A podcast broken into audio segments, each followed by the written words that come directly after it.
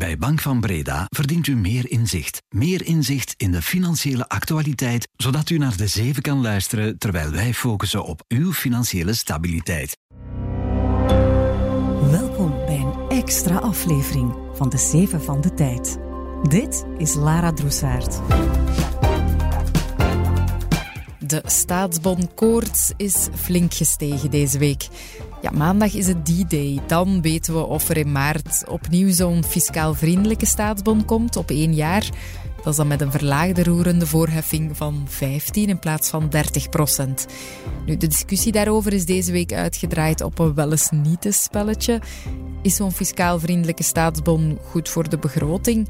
Het agentschap van de schuld en CD&V vinden van wel. Liberaal staatssecretaris van Begroting Alexia Bertrand, ja, die beweert het omgekeerde. En misschien nog belangrijker, is die staatsbon met of zonder fiscaal voordeel goed voor jouw portemonnee? Of zijn er betere alternatieven? Daar gaan we het vandaag allemaal over hebben. Welkom.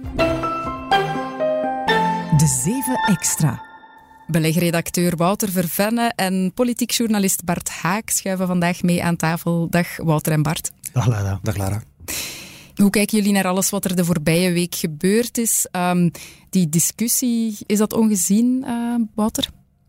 Ik denk het wel. Um, ja, de regeringsleden maken eigenlijk openlijk ruzie. Hè. Moet er een fiscaal voordeel zijn of niet? Minister Van Petegem is dus duidelijk voorstander van, van een fiscaal voordeel. En kort nadat het agentschap van de schuld had aangekondigd dat er dus nieuwe staatsbonds komen en, en waarin zij ook advies geven om een fiscaal voordeel te geven, publiceert dan uh, staatssecretaris van Begroting Alexia Bertrand uh, ja, een negatief advies. Dus het is toch wel opmerkelijk. Een politiek moddergevecht heb jij het genoemd, Bart? Wel, eh, ik heb het zo genoemd omdat het, uh, het is een heel heftig politiek gevecht, omdat het over iets gaat wat op dit moment zeer schaars is, namelijk een maatregel waarmee je een beetje de, de, de woede van veel kiezers kunt uh, capteren. We leven in een tijdsgevricht waarin er veel van dat soort woede is. En het is als meerderheid, als regering, bijna niet te doen om dat te capteren, omdat je net het voorwerp van de, van de colère bent.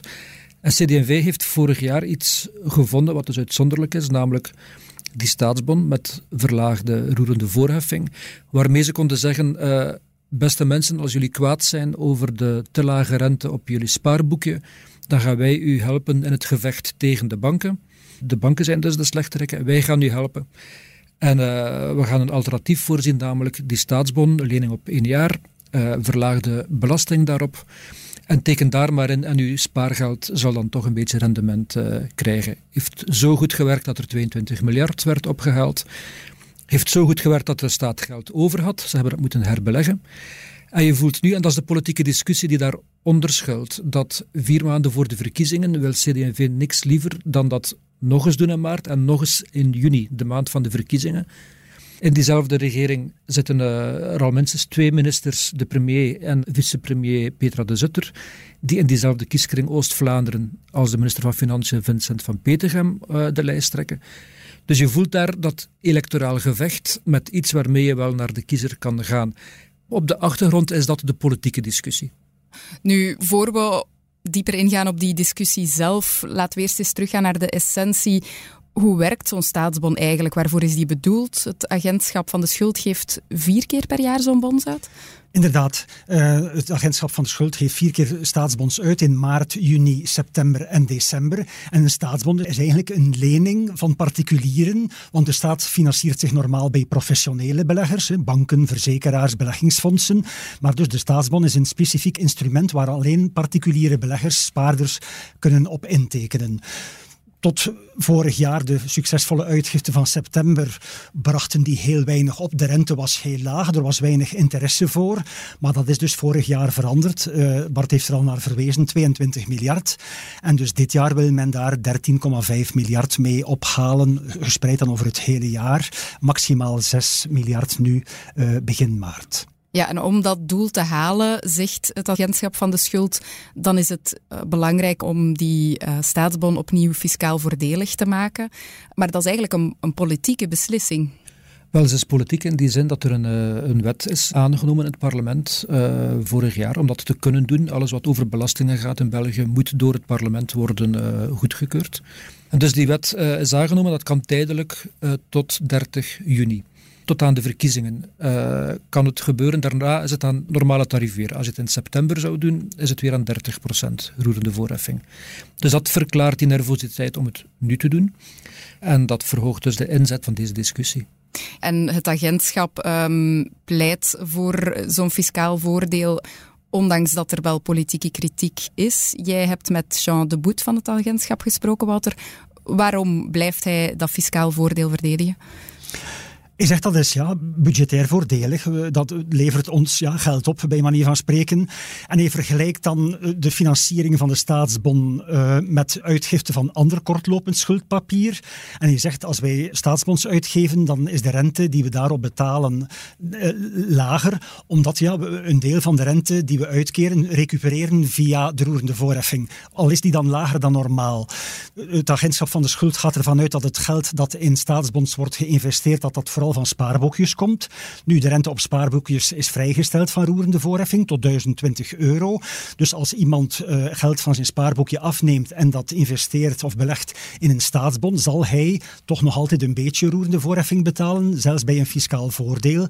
En dus dat verklaart waarom volgens de schatkist een staatsbond ja, gunstig is voor de begroting en daarom zijn ze daar dus voorstander van. Meteen na dat voorstel uh, kwam Alexia Bertrand, staatssecretaris uh, van Begroting, met een duidelijke niet. Zij zegt uh, dat is niet goed voor de begroting. Waarom niet, volgens haar? Wel ja, zij gebruikt een andere redenering. Zij vergelijkt de korte termijn rente en de lange termijn rente. Dus een staatsbon één jaar is een kortlopend product en de korte termijn rente is nu hoger dan de lange termijn rente. En dus staatssecretaris Bertrand zegt ja, het is eigenlijk interessanter voor de schatkist om op lange termijn te lenen, bijvoorbeeld tien jaar uh, dat zal ons minder kosten. Um, nu, Jean de Boete vindt dat eigenlijk een beetje een intellectueel oneerlijke vergelijking. Hij zegt het klopt, het eerste jaar zou een obligatie op tien jaar goedkoper zijn voor ons dan een staatsbon op één jaar. Maar de staatsbon moet binnen een jaar worden terugbetaald en dus geherfinancierd. En iedereen gaat ervan uit dat de Europese Centrale Bank in de komende maanden de rente zal verlagen. En dus als de ECB de rente verlaagt, zal de korte termijn rente dalen. En dus bij de herfinanciering van de staatsbon in maart volgend jaar dan zal de schatkist ja, goedkoper kunnen lenen dan vandaag. Dus dat is één uh, argument die de boete aanhaalt. En een tweede argument is, als de staatsbon geen fiscaal voordeel heeft en, en de staatssecretaris zegt, ja, dan moet je maar meer lenen op lange termijn, dat vindt hij ja, gevaarlijk. Hij zegt, de financiële markten kijken vooral naar het bedrag dat de overheid leent op lange termijn. We hebben gezegd, als uh, agentschap van de schuld. We gaan in 2024 voor 45 miljard langlopende obligaties uitgeven. Als dat bedrag nu zou moeten verhoogd worden naar meer, ja, je zegt dat zal een slecht signaal zijn. Um, de financiële markten gaan daar negatief op reageren. En hij verzet zich er tegen om meer te lenen op lange termijn uh, dan op korte termijn, omdat hij schrik heeft van de reactie van de financiële markten. Ja, dat zou België in een slecht daglicht kunnen... Je zegt, ja, onze reputatie zou dan, onze voorspelbaarheid, uh, ja, zou onze reputatie geen goed doen als dat uh, financieel argument van Alexia Bertrand deels ontkracht kan worden, spelen er dan ook nog andere politieke argumenten mee? Uh? Wel, er zijn om te beginnen politieke tegenargumenten die je in de wedstrijd hoort. Uh, een ervan is, je weet niet zeker of dat geld uit spaarboekjes zal gehaald worden, dan wel uit bijvoorbeeld termijnrekeningen, waar je vandaag wel 30% op betaalt. In de mate dat zoiets zou gebeuren, ja, dan zakt uw uh, inkomsten voor de staat van 30% naar 15%, verlies je geld. Uh, en op het andere argument ja, wordt er op uh, het kabinet begroting geredeneerd. Wij kijken naar de begroting van dit jaar, één jaar, en dan ja, ga je eigenlijk onnodig aan een hoger tarief lenen. En dat scheelt dan op die 6 miljard, scheelt dat 30 miljoen euro die je te veel uitgeeft. En wat daarna komt, is onzeker. Goed, is dat onzeker? Dat is dan de discussie. Dus er zijn er ook tegenargumenten qua inschatting van uh, de opbrengst. En dat is waarom in sommige regeringswetten er wordt gezegd we zijn de verkiezingscampagne van CD&V aan het financieren met belastinggeld. Met 30 miljoen die je eigenlijk te veel uitgeeft. Dat is dan de, de politieke redenering daar. Los daarvan vind ik is er nog een zeer veel belangrijker discussie, namelijk je blijft wel werken met een systeem dat eigenlijk discriminerend is. Als een bank geld leent op één jaar, moet daarop 30% worden betaald. Als de overheid dat doet, wil ze 15%. Dat ligt al gevoelig. We hebben dat maar één keer gedaan in de geschiedenis. Dat was eh, in de volle eurocrisis onder het premierschap van Yves Le Terme, toen de nood vrij hoog was. Het is nu een tweede keer gebeurd, vorig jaar. Met als argument, ja, maar die rente op de spaarboeken staat zo laag. We hebben iets nodig om dat te counteren. Daarvoor is advies gevraagd aan de Raad van State en die heeft gezegd van ja, het is nog nipt redelijk om dat te doen. En een van de argumenten was omdat het tijdelijk was. En dus ook dat is volgens mij de kern van de discussie. Als nu Jean de Boete zegt, ja, maar we hebben hier een nieuw instrument en we moeten dat blijven gebruiken. Ja, dat was wel niet wat de Raad van State uh, dacht. Zij dachten, dit is voor één keer, dit is tijdelijk. En als je dan daarmee begint, dan ben je wel vertrokken voor iets waarvoor het eigenlijk nooit bedoeld was. Dit was bedoeld om één keer die rente omhoog te krijgen. En nu wordt er gezegd, ja, maar het is voordelig voor de schatkist, wat een andere logica is. En dan zou dat plots beginnen uh, vertrekken voor de lange termijn. En daar ligt volgens mij de, de essentie van het conflict ook. En dat wordt dan deels ook uitgevochten met die discussie over, uh, ja, is het nu voordelig of nadelig voor de begroting. En hoe reageren de banken dan nu? Laten zij al van zich horen? Um, wel, ik heb de jongste dagen geen nieuwe signalen meer gehoord, maar ja, de, de banken zijn daar natuurlijk niet gelukkig mee. Um, zij zeggen inderdaad, zoals Bart zei, ja, zij verwijzen naar discriminatie en oneerlijke concurrentie. En bijvoorbeeld KBC-topman Johan Thijs vorige week zei bij de voorstelling van de jaarresultaten, als er opnieuw een fiscaal vriendelijke staatsbond komt, dan gaan wij gepast reageren heeft daar niet meer details over verstrekt. Maar wellicht, zoals in september ook is gebeurd, gaan een aantal banken dan de rente op termijnrekeningen, eh, wel dan vooral die op één jaar, eh, vermoed ik, tijdelijk ja, verhogen om min of meer eh, dezelfde voorwaarden te kunnen bieden aan hun klanten. Ja, dat is denk ik een beetje de verwachting. Kunnen zij op gerechtelijk niveau stappen nemen? Uiteraard. Uh, ze zouden kunnen naar het grondwettelijk hof gaan. Bij mij weten uh, hebben ze dat nog niet gedaan. Maar dat zou kunnen, inderdaad. Ja, en iets anders waar ze ook voor vrezen is de financiële stabiliteit. Als heel veel geld uh, van spaarboekjes verdwijnt, komen zij dan effectief in de problemen? Ik denk het niet, want uh, er is wel een belangrijk verschil uh, bij de geplande uitgifte nu van begin maart met die van september. In september was er geen beperking op de, op de inschrijvingen. Dus men heeft ruim een week kunnen inschrijven. En ja, er is veel meer geld binnengekomen dan verwacht. Men was zich er wel van bewust, dat kunnen we misschien moeilijk herhalen. En dus daarom heeft de schatkist nu aangekondigd dat er uh, dus nu bij de uitgifte in maart, dat er maximaal 6 miljard euro zal worden opgehaald met de twee staatsbonds. Want er komt ook een staatsbond van drie jaar, zonder fiscaal voordeel, dat is al zeker. Dus de twee staatsbonds samen één en drie jaar. Dus, en daardoor denk ik is het risico voor de financiële stabiliteit uh, beperkt. Ja, nu er politiek zoveel kritiek op komt, verwachten jullie dat er effectief nog een fiscaal voordeel kan komen? Of is het eigenlijk al een uitgemaakte zaak? Het is zeker geen uitgemaakte zaak, uh, maar het zou eerder ervan uitgaan dat het er niet komt. Ik denk dat de weerstand in de regering te groot is. Het advies van het kabinet begroting was, was negatief. Dus dat maakt duidelijk, ik kan dat politiek vinden of niet, maar het maakt duidelijk hoe ze erover denken. Uh, dus als ik de politieke analyse maak, dan denk ik, uh, dit komt er niet.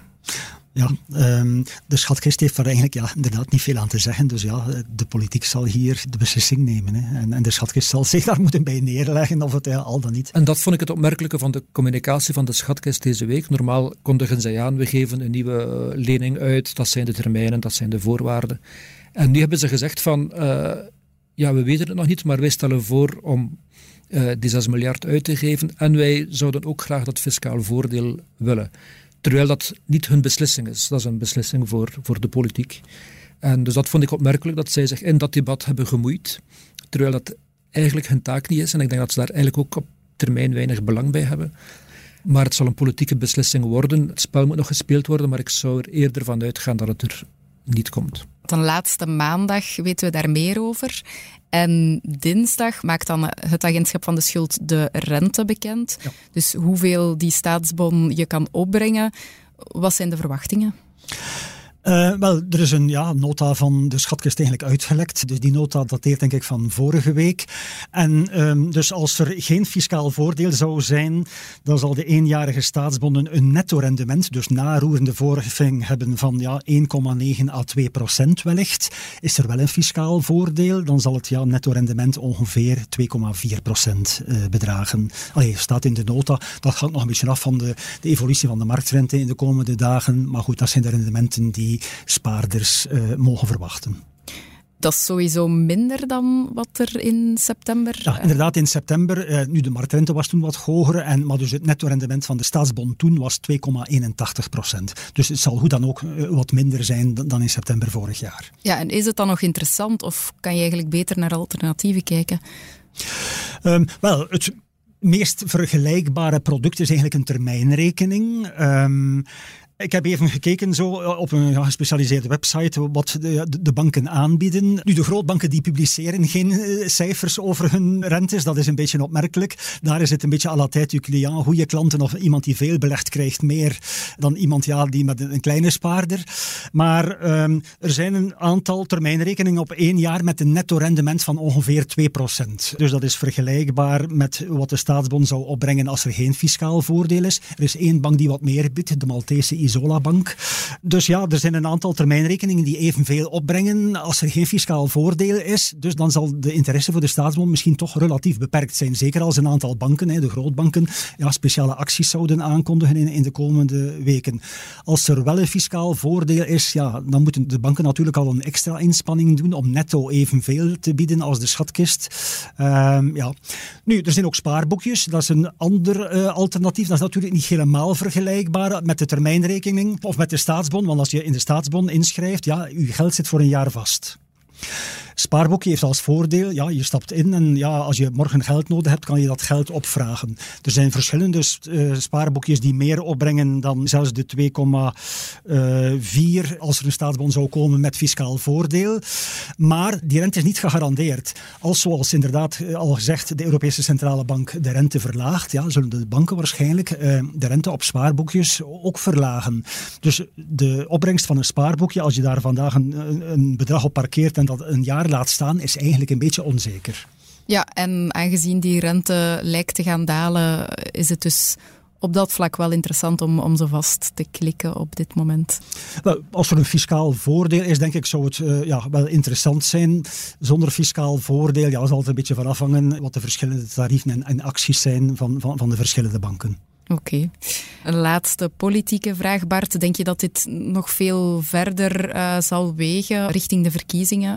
Ja, dit heeft de, de duidelijk bonden geslagen al. En er waren al veel bonden. Dus ja, dit, dit weegt wel. Ik denk dat de discussie nu al maandag formeel moet afgesloten worden. Maar dit heeft de, de harmonie in de regering zeker niet uh, geholpen. En dit komt bovenop een dynamiek die de komende maanden nog uh, zal toenemen. En dat is de dynamiek dat je daar met uh, zeven partijen zit in die regering, waarvan vier Vlaamse.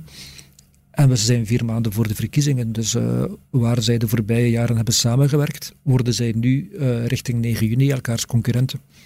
En dus dit is een van de symptomen, hoe dat dan loopt. Het is iedereen voor zich. En dat zal de komende maanden alleen maar toenemen. Oké, bedankt voor jullie analyses, eh, Wouter en Bart. Graag gedaan. Misschien alleen nog even de belangrijke deadlines herhalen die je in de gaten kan houden. Maandag zou de politiek moeten beslissen of er een fiscaal vriendelijke staatsbond komt. Dinsdag maakt de schatkist de rente dan bekend. En vanaf donderdag 22 februari kan je inschrijven op de staatsbon. Bedankt om te luisteren naar deze extra en tot de volgende. Dit was de 7 Extra met Lara Droesaert. Bedankt om te luisteren. Maandag zijn we er weer. Fijn weekend.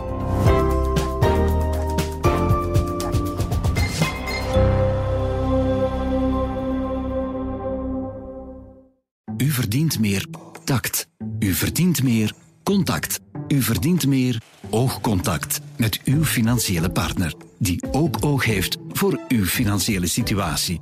Ook u verdient meer Bank van Breda. Professioneel en privé. Bank van Breda. Enkel voor ondernemers en vrije beroepen.